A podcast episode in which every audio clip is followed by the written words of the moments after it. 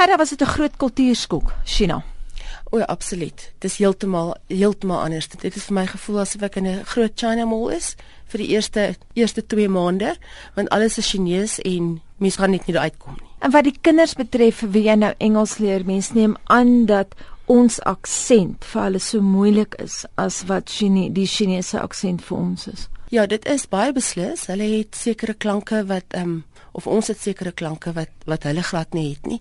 Soos the klank het hulle glad nie. Hulle kan nie hulle tong uitsteek nie. En dit is moeilik om dit vir hulle te leer. Ehm um, hulle het ook nie 'n k klank soos Canada nie. Ja, en hulle het ook spesifieke klanke wat inherent aan hulle is. So 10 sê hulle tin en dit is baie moeilik om dit uit hulle uit te kry. Kom ons kom terug na die kultuurskokke toe. Wat slaan jou tussen die oë in terme van kos byvoorbeeld? Eerste plek is dit baie war, hulle warm kosse.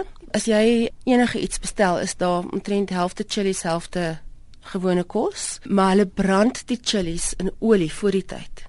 So dit haal die die brand uit, so jy kan 20 chillies in jou een bord hê en dit proe nie heeltemal soos 20 chillies nie. Ehm um, en ek het eendag van die skool af gery en daar was net 'n trokkie wat chillies verkoop het. Soos trosse en trosse chillies en ek daar is 'n foto op die um, blad. Op, op die webblad ja, daarvan. Op die webblad, ja. En dan sal hulle lief om warm water, gekookte water te drink net so. Ja, ja, nee, as mens in somer, winter enige tyd as mens ergens kom en sê hulle die want some water, dan um, bring hulle vir jou warm water, selfs in die somer.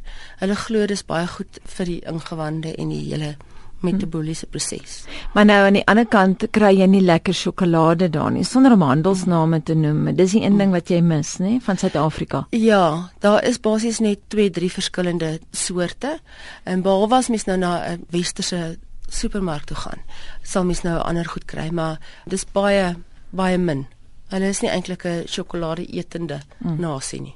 Nog iets wat heel anders is en ons het daaroor gepraat in Desember op Monitor, maar dit is die massiewe probleem wat Beijing het met besoedeling. Ja, dit is regtig baie erg. Die wêreldkwaliteit wat is blykbaar 25 mg ek is nie 100% seker oor die hele tegnologiese goed nie, maar jy het 25 mg per kubieke meter van die PM2.5 kry. Nou, ehm um, 'n ruk terug in November was dit 1120 hmm. per kubieke meter. So mens kon omtrent nie omtrent 'n kilometer kan jy glad nie sien nie. En ek het daar's foto's ook waar daar ehm um, eendag is dit verskriklik besoedel en net die volgende dag is dit oop en mooi blou wolke. En wat kultuurskokke hmm. nog betref, hulle tree anders as ons in die openbaar op. Wat doen die Chinese wat jou regtig vreemd opval?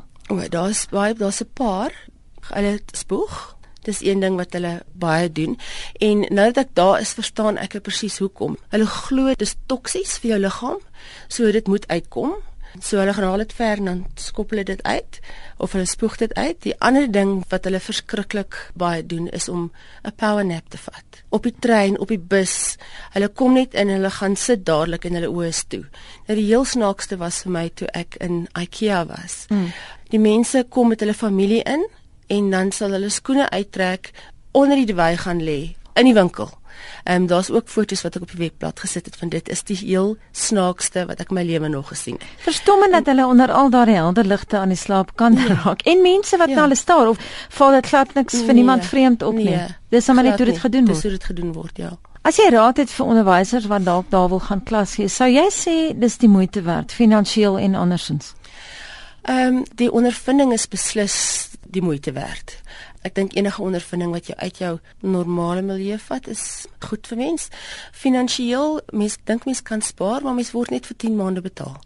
Daar is skole wat wel ehm um, of organisasies wat wel vir 12 maande betaal word, maar die somervakansie word mens nie betaal nie. So 'n mens moet bietjie spaar, of nie bietjie nie, jy moet deur die ander maande moet jy spaar om jouself te kan onderhou in daai 2 maande.